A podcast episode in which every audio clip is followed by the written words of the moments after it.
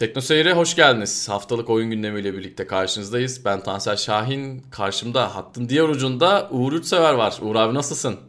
İyiyim Tansel sen nasılsın? İyiyim abi ben de. Karantina altındayız. O yüzden evet. de gündemi böyle evlerden yapıyoruz. Haftalık gündem değerlendirmesinde olduğu gibi oyun gündemi de belli bir süreliğine bu şekilde devam edecek. Stüdyoda olmadığımız için, evden yayın yaptığımız için seste, görüntüde bazı problemler olabilir. Haberiniz olsun. Evden yaptığımız için böyle bunu da peşinen söyleyelim. Şimdi evet. lafı fazla uzatmadan direkt gündeme geçelim mi abi? Evet geçelim. Evet şimdi gündeme paralel olarak dünya gündemine paralel olarak evde kal indirimleri başlattı bazı mağazalar ve kimileri de ücretsiz oyunlar verdi. Ücretsiz oyun verenler de daha da gördü ve arttırdı. Bununla ilgili ilk haberimize başlayalım. İzleyenlerimiz evet. de yararlansın. Şimdi geçen hafta aslında konuşmuştuk. Oyun e, endüstrisinin iyi bir sınav vermediğini söylemiştik. Çünkü biraz geç kaldılar. Aslında hala büyük çaplı indirimler başlamış değil. Yani bir mesela Steam indirimleri ya da Epic Store mağazaya genel indirimler görmüş değiliz birçok platformda ama yavaş yavaş başlıyor gibi. E, GOG GOG'da var indirimler. Şu an bahar indirimleri var. 30 Mart'a kadar devam edecek indirimler. Bunun yanında e, yine GOG 27 tane ücretsiz oyun veriyor. Bunlar arasında e, Beneath the Sky, işte Gwent, bu e, Witcher'daki, Witcher 3'teki kart, kart oyunu, oyunu gibi e, oyunlar da var. Bence bir bakın. Hani hı hı. hazır evdeyiz. Yeni şeyler keşfetmek için de bence güzel bir fırsat. Hani oyunlara bakıp ya bu neydi, şu ne, bu, ne, bu nedir acaba deyip küçümsemeyin oyunları. Güzel oyunlar çıkabilir aradan. Benim de ismini bilmediğim birçok oyun vardı. Hepsini indirdim. Tek tek bakacağım. Ultima var birkaç tane. Onlara da evet, bakabilirsiniz. Ultima. Seri Doğru. eğer merak edenler varsa. Evet. Güzel yani. Bunun yanında Steam'de yine ücretsiz oyunlar var. Aralarında Hı-hı. bunların 2013'te çıkmış e, Tomb Raider oyunu var. Bu yeni üçlemenin ilk oyunu. Bence güzel bir başlangıç olabilir. Güzel de bir oyundu zaten. Evet. Bunun yanında e, Lara Croft Temple of Osiris var. Bu da yine Lara Croft'un ve yanında işte bir üç yancısının olduğu izometrik bir aksiyon oyunu içinde bulmaca öğelerinin olduğu yanınıza bir arkadaşınızı da alıp online veya bildiğim kadarıyla lokal de var. Co-op olarak oynayabiliyorsunuz. Hani evdeyim arkadaşımı göremiyorum. Birlikte oyun oynayalım e, diyenler için güzel bir e, seçenek. Yani bulmacalarının falan da olduğu, içinde aksiyon sekanslarının da olduğu güzel e, bir oyun bu da. Drawful 2 var. Bu da lokal co-op desteği olan bir oyun ama bu Steam'in e, Remote Play olayı var ya işte bazı oyunlar lokal co-op desteği sunsa da hı hı. E, Steam'in bu özelliği sayesinde uzaktaki arkadaşlarınızla online olarak oynayabiliyorsunuz. Bunun desteği var. Burada işte bir şeyler çizerek e, yeteneğiniz yoksa bayağı komik şeyler çizerek ki işte ben bununla dahil oluyorum. e, bir şeyler çizerek arkadaşınızla bir şey anlatmaya çalışıyorsunuz. Bir parti oyunu eğlenceli olabilir. Çok komik eğlenceli anlar yaşanabilir. Bunun yanında Ubisoft kataloğunda indirimler var. İşte hem Epic'te hem Uplay'de hem de Steam'de bu indirimler devam ediyor. 26 kadar da 26 Mart'a kadar da devam edecek yanlış görmediysem. Eidos'ta ee, da indirimler var. Eidos Antoloji miydi neydi? 169 lira olmuştu ve içinde baya baya baya oyun var. Orada 2 liraya çok güzel oyunlar var. Onlara bir bakın. Ee, şimdilik Dungeon Siege 1 ve 2 aklıma geldi. Thief'ler var. Ee, Thief'ler bakabilirsiniz. Var. Evet. Bunun yanında Epic'te ücretsiz oyunlar var. Stanley Parable e, ve Watch Dogs var. Stanley Parable özellikle muhteşem bir Kesinlikle oyun. oynanması gereken bir oyun. Çok farklı bir deneyim gerçekten. Evet, bir o bir Half-Life moduydu. Daha sonra ticari bir oyun olarak e, yayınlandı. Çok güzel, çok değişik bir deneyim. Benzeri olmayan, Hı-hı. ilginç bir anlatıma sahip olan, değişik içinde hafif bulmaca öğelerinin de olduğu çok değişik bir oyun. Gerçekten kesin deneyin derim. Bunun yanında Xbox cephesini bilmiyorum orada indirimler var mı ama PlayStation Store'da dünya çapında indirimler var. Genel bahar indirimleri var ama nedense buna Türkiye dahil değil. Ee, bir zam yapmayı mı planlıyorlar bilmiyorum işte zaten e, malum durum nedeniyle salgın nedeniyle işte ekonomi biraz e, kötü zaten bizim kırılgan ekonomimiz iyice e, kötü duruma düştü. Durumu düşmeye başladı. İşte döviz kurları çok arttı. Bunun artçısı olarak bir zam kapıda mı? İndirimlere yani biz dahil değiliz. Nedenini bilmiyorum. Umarım umarım evet. işte kolonyacılar gibi e, zam yapmayı planlamıyorlardır. Türk oyuncular bu arada çok tepkili benim internette gördüğüm kadarıyla. Hani tüm dünyada indirim var. Bizde niye indirim yok gibi. e, Sony'ye hatta Sony Türkiye'ye biraz böyle ateş püskürüyorlar. Olayın aslı asları nedir, arka planda ne vardır bilemiyoruz ama tüm dünyada indirim varken ülkemizde indirim olmaması hoş bir şey değil tabii ki. Yani evet birkaç oyunda oradan alabilirdik. Ee, hı hı. bu süreçte evde kalmaya devam etmemiz lazım. Bunu da söyleyelim.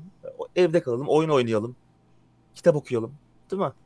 Evde sıkılıyorum gibi çok fazla yorum gördüm. Hani ille evde kalıyorsanız oyun oynayın demiyoruz ama hani bunu bir e, kendiniz için en azından küçük bir fırsata çevirebilirsiniz. Bir dil öğrenebilirsiniz. Başka bir şey merak olduğunuz bir konuya yoğunlaşabilirsiniz. Hobiniz varsa onu bir sonraki seviyeye taşıyabilirsiniz. Kitap okuyabilirsiniz, film izleyebilirsiniz.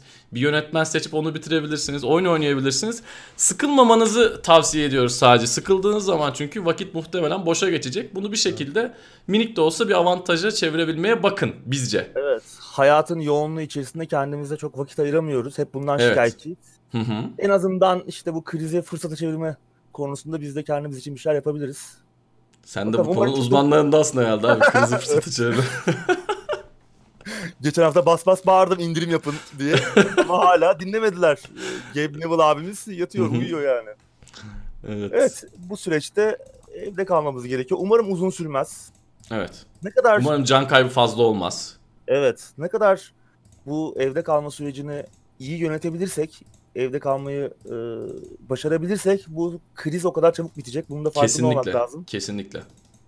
Evet, e, mutlu değiliz yani bu durumdan. E, şu an hayatımız kısıtlanmış durumda birçok anlamda. Umarım uzun Hı-hı. sürmez ama işte bu evet. süreçte yine bir şeyler yapalım kendimiz için. Evet. Öyle.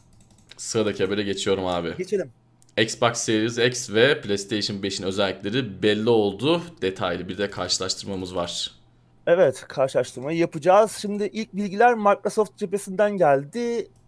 Ee, sadece Xbox'ın işte özelliklerini açıklamakla kalmadılar. Bununla yetinmediler. Aynı zamanda ciddi büyük basın organlarına konsolu gönderdiler. Hatta için açılmasına da izin verdiler. Evet. Konsolun aslında görmüştük konsolu bu Game Awards e, töreninde bir videoyla ilk kez görmüştük ama boyutunu tam olarak kestirememiştik. Baba kocaman. imkan. Evet çok büyük. evet. Ee, benim beklentimden büyük çıktı. Büyük olması tabii bazı kullanıcılar için bir dezavantaj olur mu? İşte salonumda televizyonun altına sığdıramayacağım işte e, falan diye ama bence tamam e, görsel olarak belki koyacak yer sıkıntı çekenler olabilir ama konsolun soğuması bunlar güçlü konsollar. Soğuması açısından ses çıkarmaması açısından uzun ömürlü olması açısından bence kesinlikle kesinlikle e, iyi iyi bir durum. Bu daha önemli diye düşünüyorum ben görünüşten. Görünüşü de güzel. Ben Bizim için öyle. Görünüş... Yani şimdi biz ev, evin salonuna koyup orada e, bize hanımımız kızmıyor ama şimdi hanımı kızan adam var. İşte çöp kutusu gibi getirdin koydun diyebilir. O onların sorunu ama benim için gerçekten ne kadar büyük olursa o kadar iyi. Senin dediğin gibi soğutma derdi yok. Daha uz- uzun ömürlü. İşte ne bileyim FPS'e düşmeyecek belki oyunlarda. Bu benim için daha iyi bir şey oldu büyük olması. Tek tek temennimiz o FPS'nin düşmemesi. E, evet, Sony cephesi ise Sony cephesindense birkaç gün sonra geldi açıklamalar. Daha mütevazı bir şey yaptılar. Hani kimseye göndermediler konsolu ki konsol daha göremedik bile. Hı hı. Yani aslında e, bu sunumu e, Game Developer Konferans'ta yapmayı planlıyorlardı. Ama işte o da geçen haftalarda konuşmuştuk. İptal olunca, ertelenince yaz aylarına ertelenmişti. Konsolun özelliklerini açıkladılar. Bir video hazırlamışlar bir saat civarında. Orada Mike Cerny, konsolun PlayStation'ın mimarı e, çıkıp açık işte konuştu, konsol anlattı. Daha çok SSD'den bahsetti uzunca bir süre. Acaba ben orada sıkıldım biraz evet, açıkçası ne zaman, yani. Ne zaman bitecek diye bekledik yani. Ya, tabii istersen açıklanan özellikler üzerinden konsolları karşılaştırmaya başlayalım. Tabii bu arada her şeyden önce şunu söyleyelim. Bir sızıntılar vardı, söylentiler vardı. Yeni Xbox PlayStation 5'ten daha güçlü olacak diye. Hı hı. Bu e, sızıntıların, söylentilerin de e, nispeten doğru çıktığını gördük. Şimdilik. Xbox biraz daha güçlü görünüyor. Hı hı. Yani istersen özellikler üzerinden başlayalım e, karşılaştırmaya. Evet. Ee, işlemci kısmında iki tarafta zaten hep biliyorduk bunu. Çok açıklanmadan önce de biliyorduk. Artık AMD'nin platformunu kullanıyorlar. AMD'nin e, aynı platform. Zen 2 işlemcisi e, henüz piyasada yok. E, bu yıl içerisinde çıkacağını biliyoruz ama şimdi hangi seriye tekabül ediyor bu onu bilmiyoruz. Ama 8 çekirdekli 16 iş dizisine sahip işlemciler kullanıyor. PlayStation 5 cephesinde 3.5 GHz hızında çalışıyor işlemci. Xbox tarafında ise 3.8 GHz ama e, eğer e, bunu geliştiriciye bırakıyorlar. Geliştirici eğer bu iş ekstra iş dizilerini kullanmak isterse bu Hyper Training dediğimiz e, Intel tarafında AMD'deki karşılığı işte SMT olan e, işte 8 çekirdek 16 iş dizisini kullanmak isterse hız 3.6 GHz'e düşüyor. Bu e, geliştiriciye bırakılmış. İster kullanacaklar, ister kullanmayacaklar. Kullanırlarsa bu ekstra iş dizilerini 3.6, kullanmazlarsa 3.8. PlayStation cephesinde bir olay var. E, frekans hızının değişken olabileceği söyleniyor. Bu konsolun o anki termal durumuna bağlı değil. Çünkü aslında ona alıştık hep genelde bilgisayarımızdaki işlemciler, ekran kartları belli bir sıcaklık veya güç limitine ulaştığı zaman hız hızlarını düşürüyorlar veya işte boost ediyorlar. Hı hı. Kendilerinin hızlarını yükseltiyorlar. Buradaki durum tamamen iş yüküyle alakalı olacakmış. Yani herhangi bir termal e, duruma veya bir güç limitine bağlı değil. O an oyun veya o an çalışan uygulama ne kadar bir güç talep ediyorsa e, ona göre programlanabilir olacakmış e, saat hızları. Bu enteresan. Xbox tarafında tamamen şey e, düz. Ekran kart tarafı çok merak ediliyor tabii. Daha önce Xbox tarafında bir 12 teraflopluk bir iş bir güç, bir saf beygir gücü sunacağı açıklanmıştı aslında. Bunun Nvidia tarafında işte RTX 2080 Super ayarında ondan biraz daha iyi olduğunu konuşmuştuk. Tabii teraflop her şey demek değil. Bunu da o gün konuşmuştuk yine. Hı hı. GPU tarafında e, yine e, her iki tarafta yine AMD'nin e, kendileri için özel olarak geliştirdiği, daha doğrusu önümüzdeki süreçte piyasaya çıkacak RDNA2 mimarisi var. Bu RDNA2 mimarisinde AMD'nin aynı tıpkı Nvidia tarafında olduğu gibi donanımdan ray tracing yani ışın izleme gerçek zamanlı ışın izleme tekniği de kullanılabilecek donanımdan bu desteği sunacak. E, her iki konsolda aynı mimari kullanıyor. RDNA2 mimarisini kullanıyor ama hızlarda yine bir fark var. E, PlayStation 5 tarafında 36 iş dizisi ne sahip. E, 2.23 GHz hızında çalışan bir e, grafik çipi olacak. Xbox tarafında ise 52 iş dizisine sahip 1.825 GHz hızında çalışacak bir e, GPU olacak. Bunlar da işte PlayStation 5 tarafında 10.28 teraflopa, e, Xbox tarafında ise 12.16 teraflopa. 12.16 teraflopa tekabül ediyor. Yani Xbox tarafından %100, %20'nin biraz üzerinde bir e, fark e, göze çarpıyor. Hı hı. E, bu önümüzdeki yani belki ilk zamanda çok e, ciddi bir e, performans farkına veya bir görsel derinlik farkına neden olmaz ama e, acaba konsolların ömrünün sonuna yaklaştığı zaman nasıl bir tablo ortaya çıkacak? Bu konuda hani e, soru işaretleri var ama Mike Cerny bir açıklama yapmış, e, yaptı daha doğrusu bu sunum esnasında. E, ki bizim konuştuğumuz şey de aslında az çok yakın bir şeydi. Bu yani teraflop gücünün bir grafik işlemcinin teraflop gücünün her şey olmadığını söyledi. Mike Cerny'nin dediğine göre kendileri daha az işlem birimini daha yüksek saat hızlarında kullanarak bunları daha verimli, daha anlamlı işe koşabildiklerini söylüyor. İşte oyun performansını ilgilen, ilgilendiren rasterization gibi işlerde daha hızlı sonuç aldıklarını söylüyor. Bu aslında biraz da e, mantıklı geliyor kulağa çünkü Nvidia'nın uzun süre izlediği politikada buydu. E, yine geçtiğimiz haftalarda konuşmuştuk. E, Nvidia kartlar daha düşük teraflop gücüne, daha az işlem birimine rağmen daha yüksek saat hızlarıyla aslında oyun performansı konusunda AMD'nin hep önünde olmaya başarmışlardı. Sanki Hı-hı. biraz bu yoldan gidiyor ama tabii mimariler aynı. Fark ne kadar olabilir veya bu aradaki fark kapanır mı? Şunu Bunları... da e, söylememiz lazım tabii. Geride oldukları için de bunu söylüyor olabilirler. Bu da bir ihtimal Tekrar, dahili. Tabii ki tabii ki. Bu e, zaten böyle olup olmadığını konsollar çıkınca göreceğiz ki zaten Hı-hı. Digital Foundry falan gibi konsollarda çıkan oyunları yan yana koyup hangisinde kaç FPS veriyor, nasıl bir performans veriyor, frame time'lar nedir falan gibi çok detaylı kıyaslamalar yapan siteler var. Ee, hı hı. E, göreceğiz yani işte bu yıl sonunda veya önümüzdeki yıl başlarında göreceğiz tabii bu virüs salgını nedeniyle konsolların da çıkışı ertelenmezse.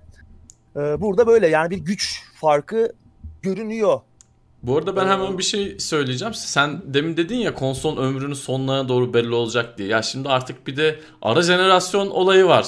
Hani belki Gerçek hiç var. önemli bile olmayacak yani bu. Evet. Yani çünkü artık bir de 3 sene sonra 4 sene sonra hadi cihazlar eskidi yenisini çıkarıyorum Pro S bilmem ne ver evet, bir 400-500 dolar daha al diyebilirler yani. 4 sene iyimser. 2 sene sonra gelmesin de yani.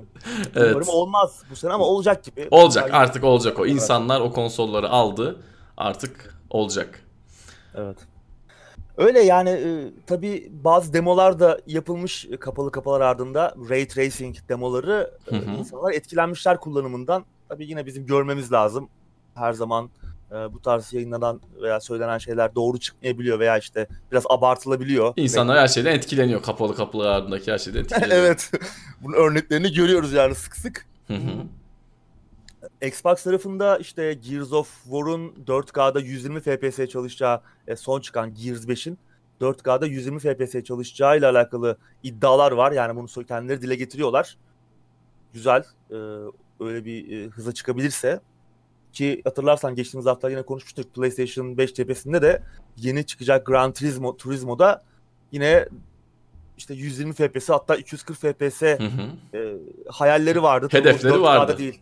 4K'da değil muhtemelen ama yani 240'a belki 1080p'de ulaşma hedefleri vardır. O çözünürlüğü bilmiyoruz ama hı hı. burada şu var. E, ekrana birkaç piksel daha fazla atmaktansa performansa odaklanmaları güzel. E, Kesinlikle. Zaten... FPS'nin artık konuşulmaya başlanması beni mutlu etti. Evet. Zaten iki tarafta da e, işte AMD'nin FreeSync e, işte bu değişken kare hızlarını kontrol edebilme üzerine çalışmaları olacak. Buna destekleyen televizyonlar da yanlış bilmiyorsam Samsung tarafında çıkmaya başladı, yaygınlaşmaya başladı.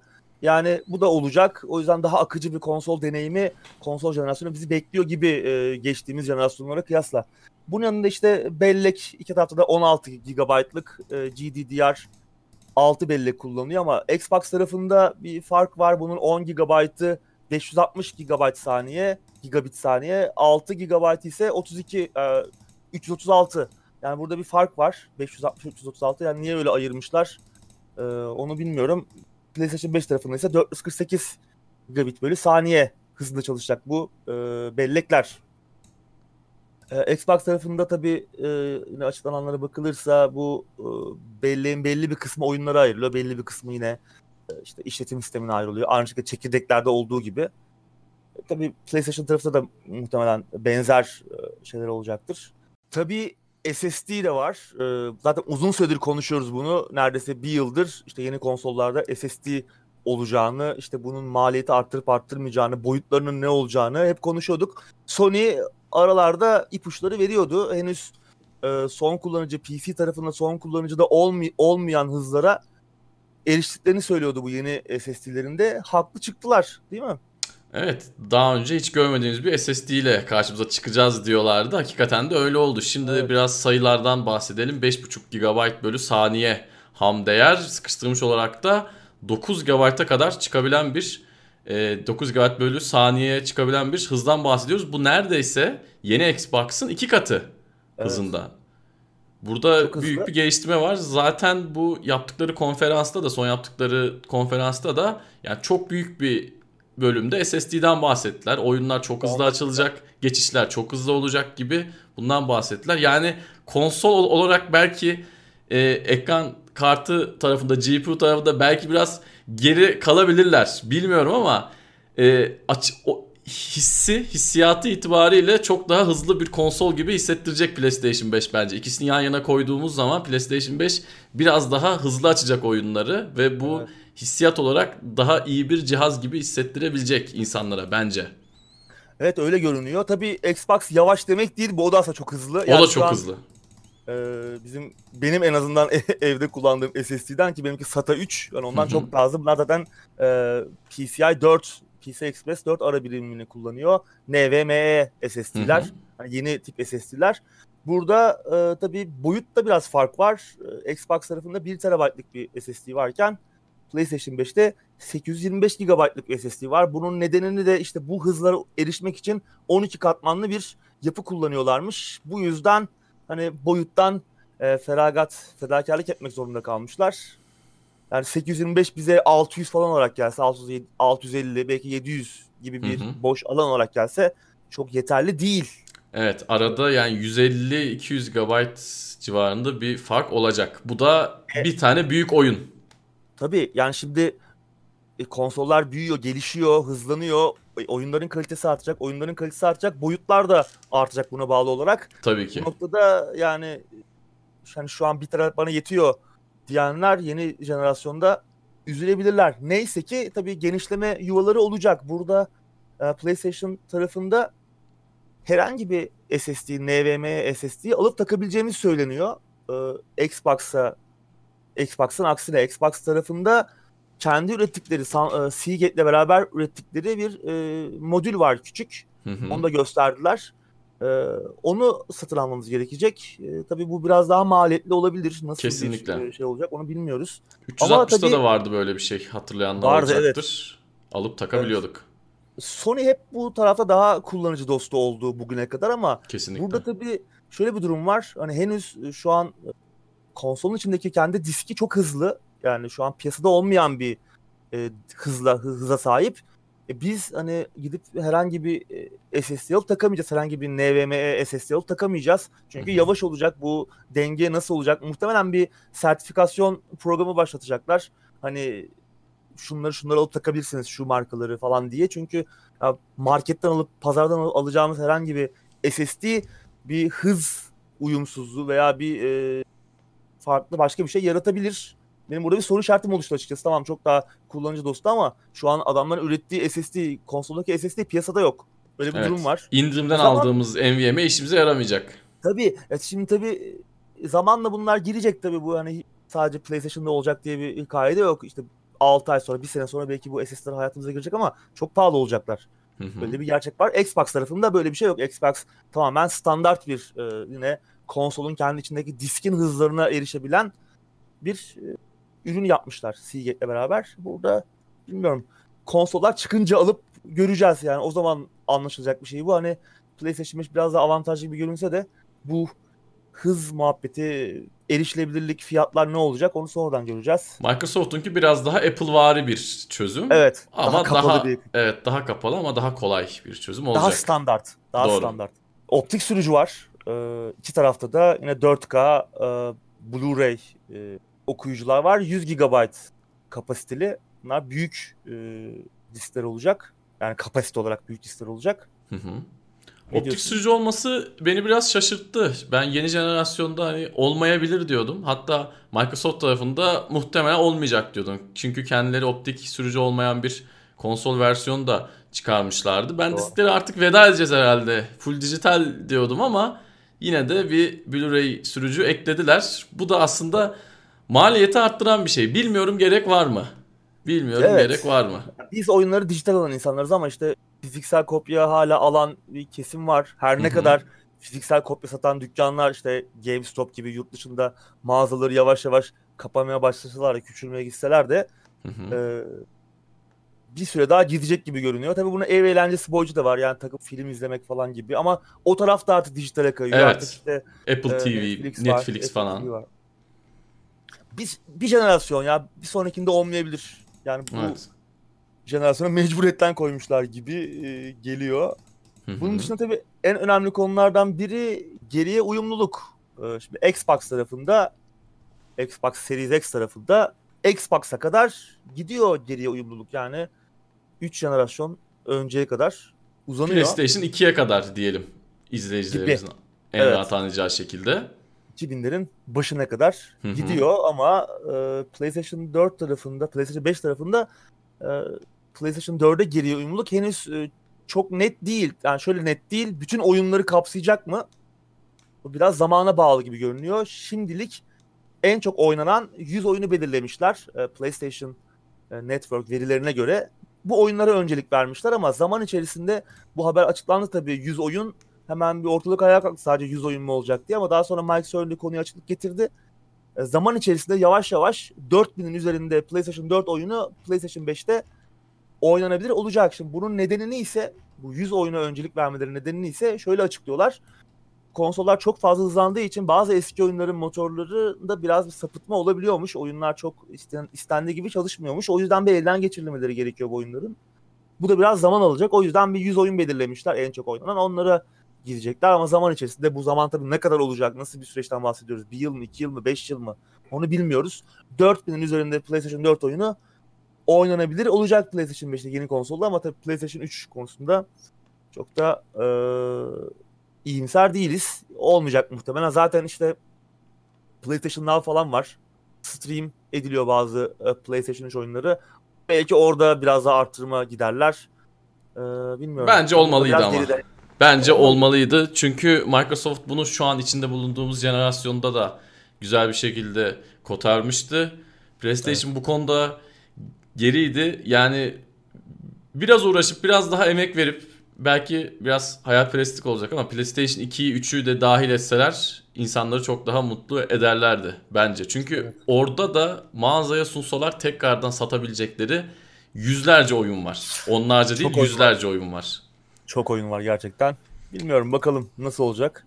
Evet. Ee, tabii bir diğer önemli konu fiyat. Henüz o konuda bir şey bilmiyoruz. Hı hı. Ama hatırlarsan birkaç hafta önce gündemde konuşmuştuk.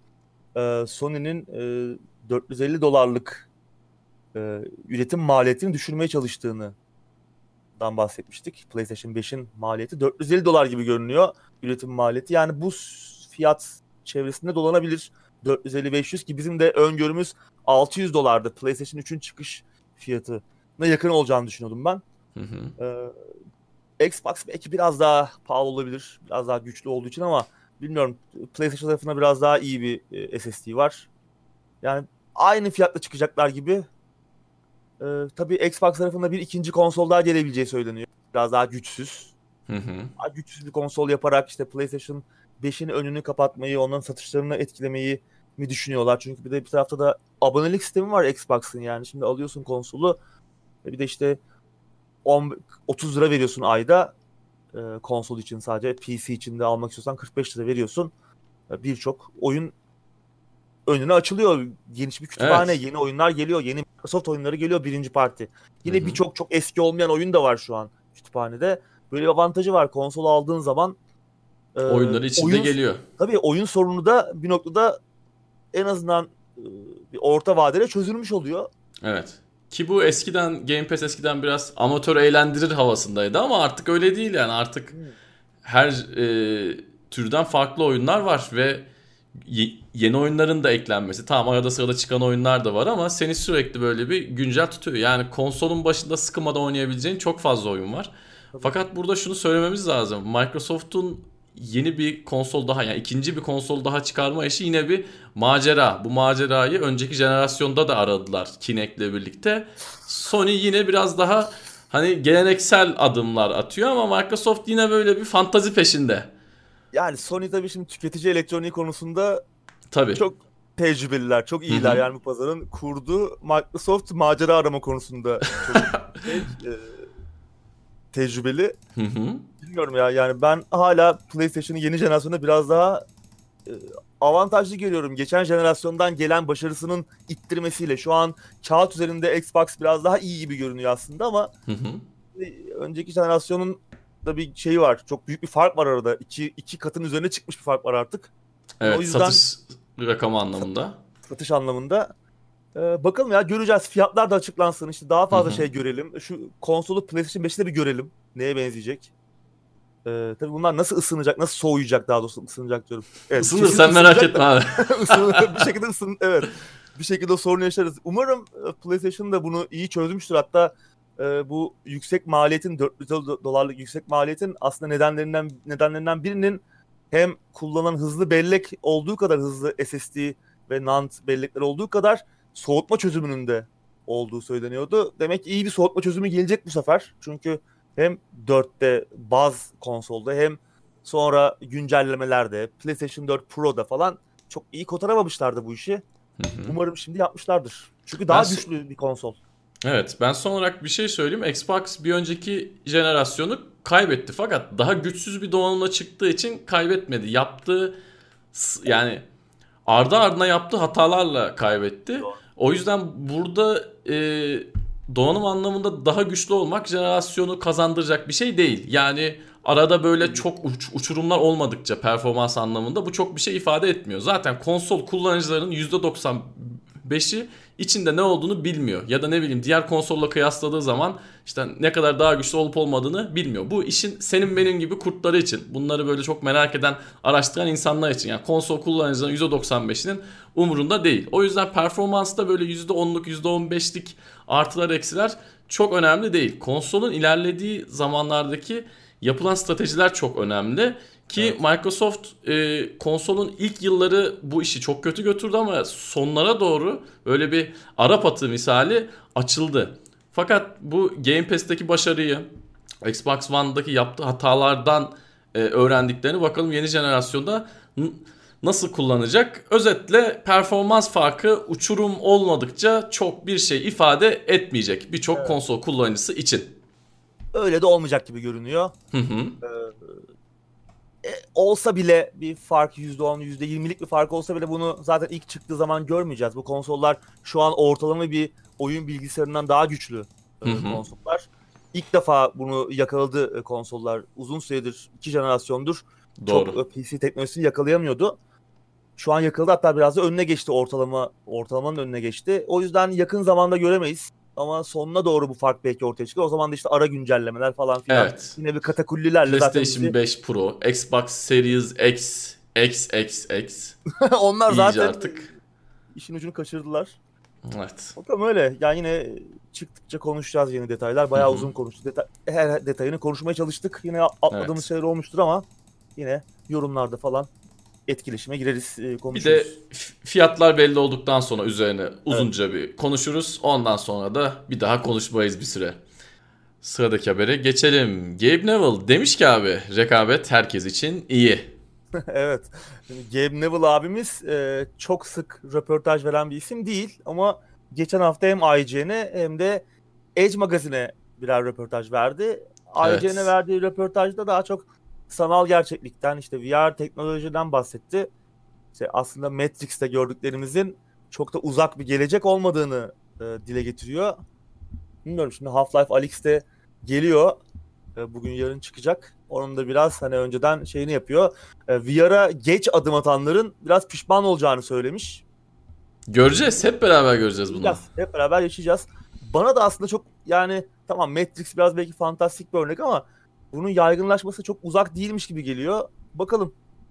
Çok Güzel yakında öğreneceğiz. Half-Life Alyx'ten sonra bu sorularımızın büyük bir kısmı bence cevaplanacak. Evet. Ee, Edge Magazine'e verdiği röportajda ise konu Epic Store'a gelmiş. Tahmin etmenin zor olmadığı gibi. Ki kendisi aslında sürecin en başından beri bu konudaki sessizliğini koruyor. Hiç konuşmadı. Ee, Epic Games'in patronu Tim Sweeney'nin tam aksine o da hiç susmuyor. Sürekli konuşuyor. Hı hı. İşte Twitter'dan millete cevap yetiştiriyor.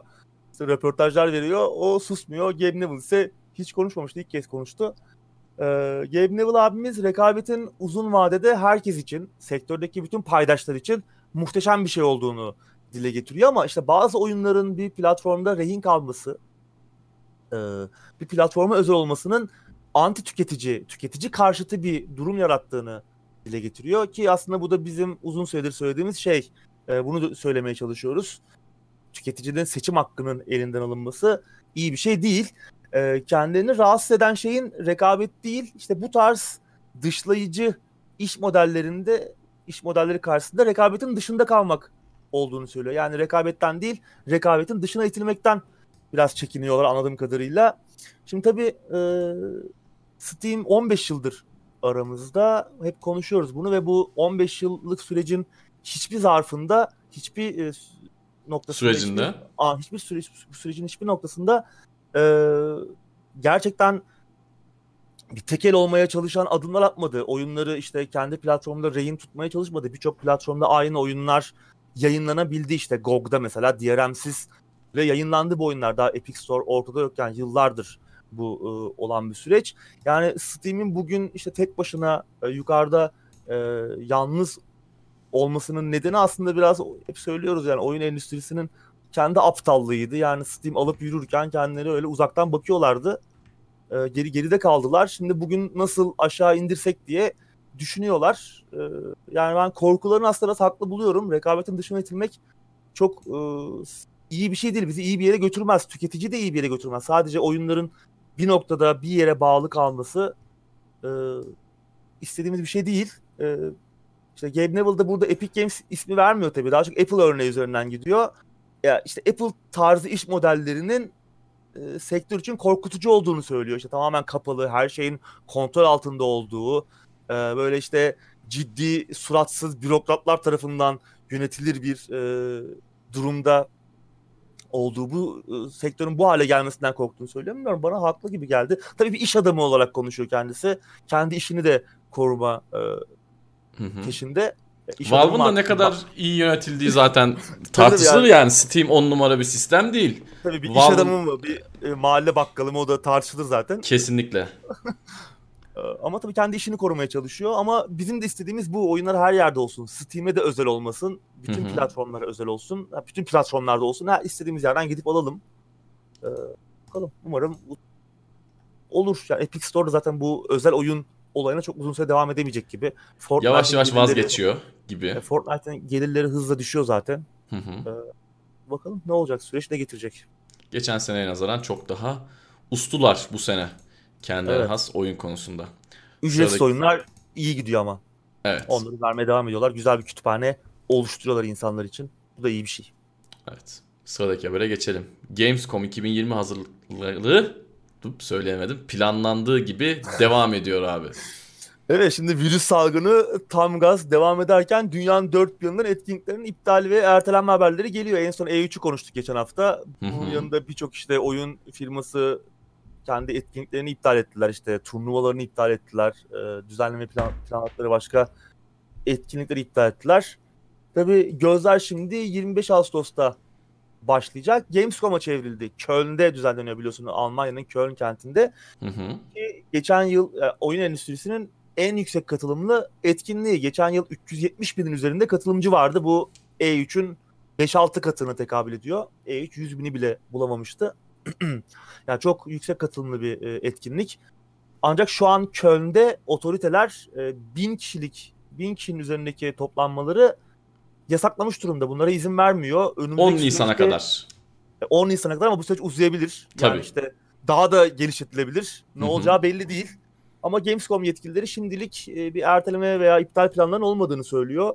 Süreç ne gösterecek bilmiyorum. Bana iyimser geldi. Şunu da söylememiz lazım. Birkaç hafta önce E3 için de aynı şeyler söyleniyordu. Yani E3 yapılacak hazırlıklar devam ediyor deniyordu. Ben bunun yapılabileceğine pek ihtimal vermiyorum. Umarım tabii ki virüs olayı biter, temizlenir. Avrupa ve tüm dünya biz de dahil bundan kurtuluruz. Bunu ardımızda bırakırız ama şimdiki senaryoda pek öyle gözükmüyor gibi. Umarım yanılırız. Ben böyle olacağını pek düşünmüyorum.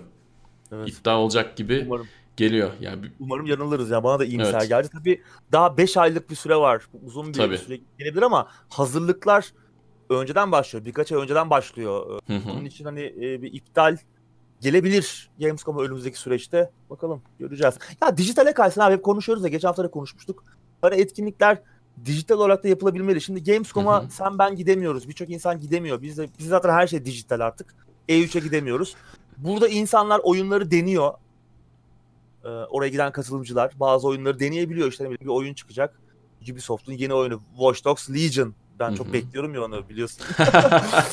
Ee, Birçok oyun şaka tabii bu arada. Hani şimdi ciddi alanlar olabilir. yakışıyor Ee, mu senin gibi adama falan diye yorumlarda şimdi görürüz. ya bir oyun bekliyorum. Adam da orada oynuyor. Ballandıra ballandıra anlatıyor. Ya abi bu oyunları o zaman online olarak verin demosunu yayınlayın bu indirilebilir bir şekilde. Herkes oynasın. Birçok insan, milyonlarca, milyarlarca insana ulaşın. Hani yani dijital yapın abi şunu. Gamescom'da giden 370 bin kişi ne değil herkese.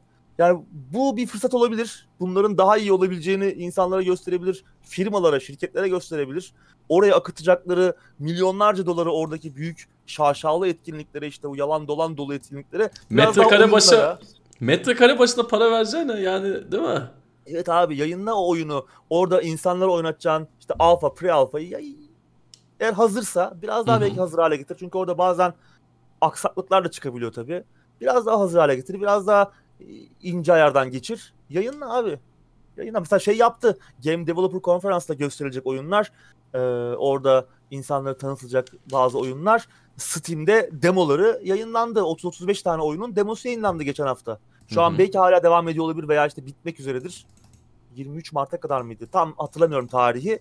Yani 25 tane oyunun demosu yayınlandı. İnsanlar girip oynadı. Bunları Evet. e, oynama imkanımız olmayabilirdi eğer e, etkinlik iptal olmasa. Yani bu güzel bir fırsat. Bence bunu bu krizi fırsatı çevirebilir insanlara ulaşma açısından oyun şirketleri. Bunu değerlendirmeleri lazım.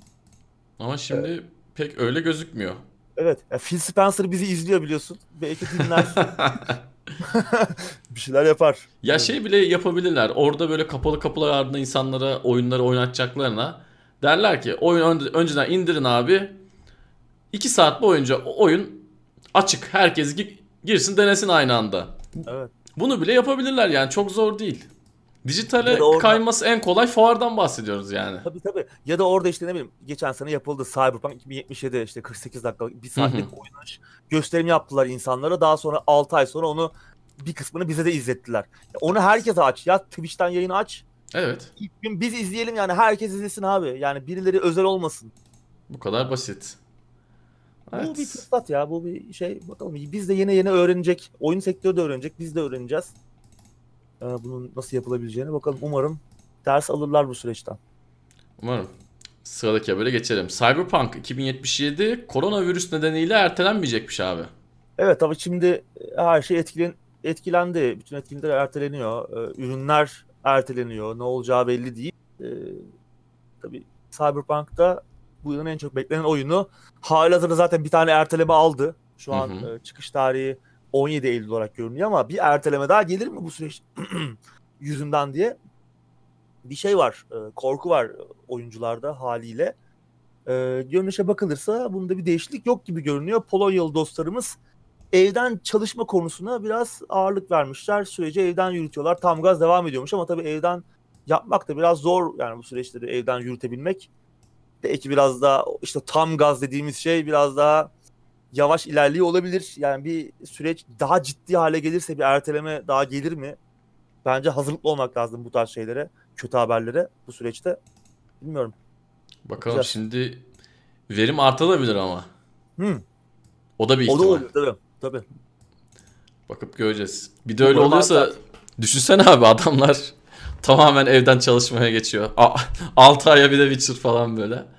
olabilir yani. Enteresan olur. Şimdi sıradaki habere geçelim. The Witcher dizisinin ikinci sezonunun yapımı durduruldu. Ama tabii ki ne sebebiyle? Koronavirüs sebebiyle. Virüs sebebiyle salgın devam ediyor. Netflix'te iki hafta, en az iki haftalık durdurmuş. Tabi duruma göre bakacaklar. Daha da uzatabilirler bu süreci. Bakalım. Zaten 2020 içerisinde gelmesi zor görünüyordu. Şimdi daha da uzamış, uzayacak. Bakalım 2021 artık dizinin ikinci sezonu için en yakın yayınlanma tarihi gibi geliyor bana. Bilmiyorum bakalım süreç ne gösterecek. Ama en az iki haftalığına durdurulmuş durumda. E tabii iki hafta sonra başlanabilecek mi, başlanamayacak mı? İki ay mı olur artık? Belli Evet, olmaz. bilmiyorum. Yapacak bir şey yok bunlara. Sıradaki habere İzleyecek geçiyorum. insan kalacak mı? Hı, o da doğru. O da bir ihtimal. Ya umarım tabii şimdi biraz e, bu şakası ama yani tabii bakalım. Umarım süreç çabuk biter. Bir an önce bitsin. Hayat en az şekilde etkilensin. insanlar zarar görmesin. Evet. Bunu istiyoruz ama bakalım. Bunun için de evde kalmak lazım işte. Böyle önlemler gerekiyor. Tekrardan hatırlatalım. Biz evdeyiz. Evet. Sıradaki habere geçiyorum. The Messenger'ın geliştiricisi yeni oyununu duyurdu. Evet. Sea of Stars. Geçen haftalarda konuşmuştuk hatırlarsan. Muhteşem bir oyundu Messenger. Muazzam bir e, böyle hafif neydi? Ninja Gaiden'a benzeyen retro platform aksiyon oyunu. Onun Kanadalı geliştiricisi Sabotage Studio yeni oyununu duyuracaktı. Duyurdular. Sea of Stars'ı tıpkı Messenger gibi yine retro etkilenimleri olan bir oyun ama bu sefer bir platform oyunu değil bir rol yapma oyunu. Evet bir RPG, retro RPG geliyor. Evet, hem de ekip The Messenger evrenini terk etmiyor. Oyun aynı evrende geçecek. Hı hı. E, bu güzel evreni daha da büyütüyorlar. Çok güzel bir evreni var oyunun. Çok güzel mizahı olan bir e, evren. Çok anlamlı da hikayeler çıkabilir buradan ki e, Sea of Stars'ta da iki karakterin zaman zaman epik, yer yer aptalca, salakça, bazen de duygusal olan hikayelerine konuk olacağız. Bunu oynayacağız. Tabii e, Kanadalı dostlarımız bizlere yine olabildiğince nostaljik bir his yaşatırken hikaye anlatımı, sıra tabanlı savaş sistemi ve keşif hissini de yine bir potada eritme e, çabası içerisindeymiş. daha birazdan modernize edilmiş e, mekanikler de olacak. İşte bu rol yapma oyunlarında biraz zaman tüketen şeyler vardır bilirsin böyle işte grind yaparsın seviye atlamak için bir şeyler yaparsın. Bu tarz şeyler olmayacakmış. Daha elle e, tasarlanmış biraz modernize edilmiş ama o retro hissini de koruyan sıra tabanlı savaşları olan bir e, rol yapma oyunu bakalım. Çıkış tarihi 2022 gibi görünüyor şu an. Hı hı. PC yanında konsollara da gelecek ama hangi konsollara bir açıklama yok. The Messenger PC yanında Switch ve PlayStation 4'e gelmişti. Xbox'a gelmemişti. Sonra geldi mi? Geldi Sanırım galiba. geldi. Game Pass'e de gelmişti diye hatırlıyorum ben çünkü. Evet Game Pass, Yanılmıyorsam Game eğer. Oynamayanlar varsa kesin oynasın The Messenger'ı. Muhteşem bir oyundu. Hı hı. Bakalım bir de Kickstarter kampanyası başlatmışlar. 90 ee, bin dolarlık bir hedefleri vardı. Onu zaten bir gün içinde hemen geçtiler. Şu an bakmadım en son e, yine artmaya devam ediyordu. Ben heyecanlıyım valla. Ben bu adamları çok beğendim. İlk oyunlarıydı The Messenger. Hı hı. İkinci oyunlarını merak ediyorum demiştim daha önce. Bu kesinlikle çıkar çıkmaz alacağım bir oyun. Şu an tabii e, Kickstarter'a e, yatırım yapacak durumda değiliz hiçbirimiz. o yüzden yani e, paramızı biraz idareli kullanmaya çalışıyoruz. Evet özellikle artan döviz kuruyla birlikte. Evet ne yazık ki. Ben şunu da söyleyeyim şimdi retro RPG tarzı oyuna geldi. Hani uzak doğu tarafında çıkıyor. Ee, ben uzak doğu oyunlarına biraz alerjim var ama bu oyuna kesin bakacağım. Yani bu oyunu çok daha tanınan bilinen bir uzak doğulu geliştirici yapsaydı benim için yok hükmündeydi ama şu an bu oyun çıktığı gün sağ olursak eğer oynamayı planlıyorum yani. Umarım. Evet sıradaki habere geçiyorum. Sony Nintendo'nun şikayeti üzerine Mario oyunlarını Dreams'ten kaldırdı ve Sony şükretsin yani Allah'tan Nintendo PlayStation ismini ya da Sony'nin direkt toptan markaya çökmeye falan çalışmamış. Bunlar da ihtimal dahili. Biz şimdi evet. işin biraz da arka planında olduğumuz için Nintendo'nun bu tarz konularda ne kadar agresif olduğunu çok iyi biliyoruz. Bence ucuz atlatmışlar abi.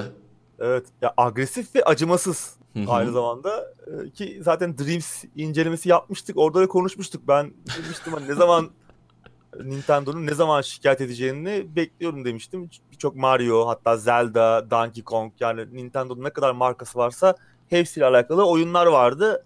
Nitekim şikayet etmişler e, durumu, uyarmışlar Sony'yi. Sony de e, bu içeriklerin Dreams'ten kaldırılmasını sağlamış. Yani az çok beklenebilen bir şeydi. Bu lisans sorunu zaten Dreams'in en ciddi sorunlarından biri olabilir. İşte Fallout da var. Resident Evil da var. Yani insanlar şirketler bunların peşinden gitme yoluna gidebilirler. Hı hı. Sonuçta Çıkmayan oyunlar da var.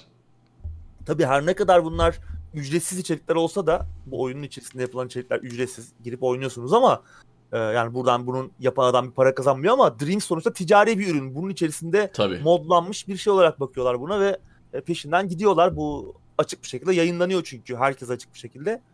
Yani ciddi bir durum bu. Bakalım süreç daha da büyüyecek bence. Diğer firmalar da bunun peşinden gitme yoluna gider. Bethesda da mesela bu konuda acımasızdır. Capcom da acımasızdır. Yani Nintendo Hı-hı. kadar olmasa da bunlar da giderler yani oyunları kaldırtırlar. Ya Silent Hills var mesela. Hı-hı. Yani Konami adamı yakar yani. Duymasınlar. Yani şu an onlar çok takip etmiyorlar. Onların belki haberi olmamıştır yani. Evet. Konami oyun oyunlarla çok alakaları kalmadı. Hatta çinko makineleri falan. Konami başka oyun... yerden parayı vurur muyuz abi? Evet. Oyun evet. yanmasak da olur. Evet. evet. Onların da haber olursa kaldırtırlar yani. Evet. İspiyonlamayalım ama biz durabildiği kadar dursun. İspiyoncuları sevmeyiz. Sıradaki habere geçiyorum abi. Call of Duty Warzone 10 günde 30 milyon oyuncuya ulaştı. Biz de tam merak evet. ediyorduk değil mi? Ne olacak ne evet. bitecek diye. Ne olacak diye. Şimdi Apex Legends bir haftada 25 milyonu vurmuştu. Hı hı. Yükseliş grafikleri e, birbirine yakın ilerliyor. Apex Legends bir ayda 50 milyona ulaşmıştı. Bakalım Call of Duty Warzone çok daha erken ulaşacaktır. Şimdi herkes evde zaten. İndirip oynayacak insanlar. Daha büyük sayılar görebiliriz. Evet Oyun Apex bir de e, sözlü kestim pardon. Apex bir de yeni bir fikri mülktü. Call of Duty ismi çok daha bilinen bir isim. Mobilde insanlar çılgın gibi bunun işte e, Battle Royale'ini oynuyorlar. Bence evet. bu daha uzun soluklu olacaktır diye düşünüyorum. Evet. Ama Apex'in çıkış başarısı o ayrı bir şey. Dediğin gibi çok daha büyük bir şey. Çünkü Hı-hı. dediğin gibi yeni bir fikri reklamı yapılmadı. Bir anda evet. böyle Bilge Cansız'ın geldi. Bilge Cansız'ın çıktı evet deyim yerindeyse. O yüzden o acayip bir şeydi. Ama Hı-hı. Warzone daha da büyüyecek gibi görünüyor. Dediğin gibi uzun soluklu olacak. Bakalım ben henüz indiremedim. Şu an Doom oynuyorum. Bakalım ondan sonra bir iki oyunum daha var ama araya Warzone atacağım. Arada Evet. girip oynarız beraber. Doom'un multisine merak de ediyorum. bir ara bir girelim abi. Doom'un multisine Evet, de bir evet. ara bir girelim. Onu, onu yapalım ki bir sonraki haberde onunla alakalı zaten. Evet sıradaki habere geçiyorum. Bethesda Doom Eternal'da neden klasik deathmatch modu olmadığını açıklığa kavuşturdu. Ayrıca oyun Steam'de anlık 100 bin oyuncuyu geçti. Abi oyun e, hangi gün hatırlamıyorum da sanırım Cuma sabahı gece saat 3'te açılacaktı. Gece saat 3.10 geçe falan baktım. Uğur abi girmiş menüde ayarları falan filan yapıyor. Gece 3'te biraz bir sohbet ettik. Evet. Ben ertesi güne bırakmıştım oynamayı da gece 3'te Uğur abi affetmemiş hemen. ben Girmiş affetmedim. Bir, bakıyor. bir bölüm oynayıp bıraktım. Bir saat falan sürdü. Öyle yani. Başarı tabii 100 bini aşmak Hı hı. güzel. Tabii oyun sadece Steam'de de yok. Ee, Bethesda Launcher'da da var PC tarafında. Ayrıca konsollarda da var. Yani iyi bir çıkış yaptı gibi görünüyor. Tabii oyunda klasik deathmatch bildiğimiz o eski tip e, online multiplayer modların olmadığını biliyorduk zaten olmayacağını. Ama bu konuda bazı şikayetler de vardı oyunculardan. Bethesda konuya açıklık getirmiş. Artık bu tarz modların çok biraz eski kaldığını e, kalmaya başladığını söylemiş. Ve bunun için Doom Eternal için daha oyunun kendisiyle bütünlüklü bir mod yaptıklarını işte bu e, Battle mod muydu? İki yaratık bir de Doomguy. Hı hı. Bir asimetrik multiplayer modu yaptılar. Henüz deneyemedim ben bir tek kişilik oyunu senaryoyu bitireyim. Ki o da ilk oyundan biraz daha uzun sürüyor. Bir 15-18 saat arasında sürüyormuş e, duyduğum kadarıyla. Her şey yaparsan hatta yani bütün o işte toplanabilir şeyleri de ara- ararsan 17-18 saati de geçebiliyormuş. Ee, bir bitsin ondan sonra bakalım. Beraber de bakacağız zaten. Hı hı. Belki bir yayın da açarız. Beraber oynarız işte. Ee, Olabilir. Battle mod, Battle mod güzel bir moda benziyor. Yani oyunun kendisi de daha bütünlüklü. Şimdi aslında hak veriyorum ben Bethesda'nın yaptığı açıklamaya. Diyorlar ki yani e, eski kaldı. Evet hakikaten de yani şimdi 16 kişilik deathmatch'e giriyorsun. Herkes Doomguy birbirini vuruyor falan yani. Orada böyle bir tamam eskiden çok eğlenceliydi ama bugün daha güzel şeyler, daha şeyler, güzel şeyler, iyi düşünülmüş, daha iyi tasarlanmış şeyler yapılabilir. Hani e, yapılmış olsun diye yapılmış bir moddan ziyade. Ki önceki Doom'un e, 2016'da çıkan Doom'un multiplayer modlarını ben çok oynadım. Ama yani yoklukta oynadım. Çok iyi değildi o modlar. Çok böyle yani çok eskiydi hakikaten. Çok da üzerine çok da bir e, ta- düşünülmemiş gibiydi. Yani sadece, sadece olsun diye yapılmış gibiydi. Benim Biraz baktığım zamanlarda e, fazla oyuncu da yoktu bu arada. İlk Doom oyuncu modlarında. öyle bir sıkıntı da vardı yani. Burada biraz daha güzel. Yani işte ikiye bir. iki canavar. Biri Revenant oluyor. Biri belki Hell Knight oluyor. İşte karşıda Doomguy. Kapışıyorlar. Güzel yani. Bence mantıklı. Ya belki yana kon- konabilir miydi insanları hani biraz mutlu etmek için? Belki yani yine öylesine bir deathmatch ama ya artık bir anlamı kalmadı abi. Herkes Doomguy. Sarı Doomguy, kırmızı Doomguy, mavi Hı hı. Doomguy, yeşil, pembe falan herkes birbirini vurmaya çalışıyor. Onun hakikaten bir oyunun kendi bütünlüğüyle bir alakası yok ki hani bir şey yaratmaya çalışıyorlar. Onu da anlıyorum. Yeni bir Doom'u yeniden e, farklı bir kimliğe sokmaya çalışıyorlar. Bu konuda da Güzel. hiç e, başarısız sayılmazlar. Tabii evet. E, iyi iş çıkarıyorlar. O yüzden ben buna- buna destek veriyorum, katılıyorum yani. Eleştiremiyorum. Evet. Son haber. Half-Life Evet. Alyx çıkıyor abi. Evet, yine gündemin ortalarında yine konuşmuştuk. Çıkıyor. Bakalım Yalnız neler bir şey olacak. söyleyeyim mi? Bizde VR başlı olsaydı bu direkt ilk sırada yer alırdı bu haber. Şimdi Tabii tabii. VR başta olmadığı için ya sonlara bir cümle sıkıştırılmış. gündemimizde yok. Ama Evet. bakalım ben şeyi merak ediyorum ya puanları işte insanların yorumlarını, oynayanların yorumlarını e, ilk defa çünkü deneyimleyemeyeceğimiz bir şey ve yeni bir şey, farklı bir şey. Uzun yıllar sonra gelen ilk Half-Life oyunu birçok farklı noktası var oyunun merak etmemizi e, sağlayan.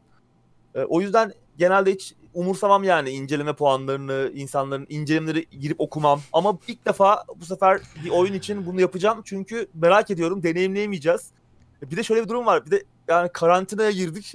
Hani en kötü gider bir VR kafede falan oynamaya çalışırdık. Bir deneyimlemeye çalışırdık oyunu satın alıp.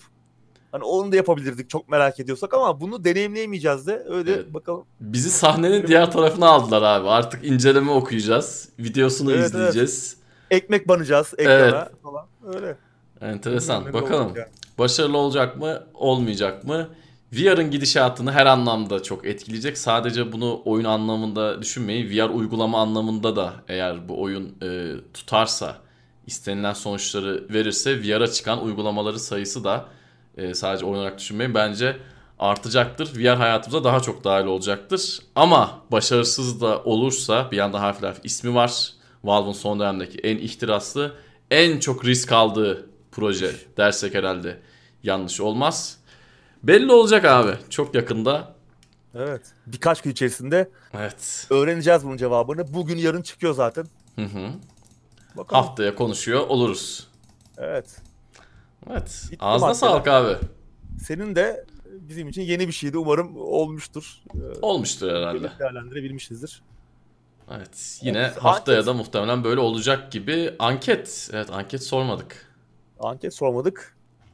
Ee, bir şey buluruz. Bir şey buluruz. Şu an ben e, şey yapamadım. Aklıma şey geldi de o da çok komik. Tam clickbait gibi. PlayStation 5 ve Xbox Evet. Series X. evet, evet, onu, onu ben de düşündüm de. Ya O en çok manalı şey olmaz. bulamazsak, hiçbir şey bulamazsak öyle bir şey yaparız. Ne yapalım? Evet. Yani. İlk açıklanan bilgiler ışığında hangisi sizi heyecanlandırıyor? En bir şey bulamazsak. Siz yine anketlere bakın ama. Yani oraya bir şey biz bir şey koyabiliriz yine. Bizi şaşırtabiliriz. Evet. Belki de koymayız bilmiyorum. Kupan güzelmiş abi. Sağ ol. Whatever. Öyle. O zaman haftaya yeni bir Discord oturumunda görüşmek üzere. Hoşça kalın. Hoşçakalın.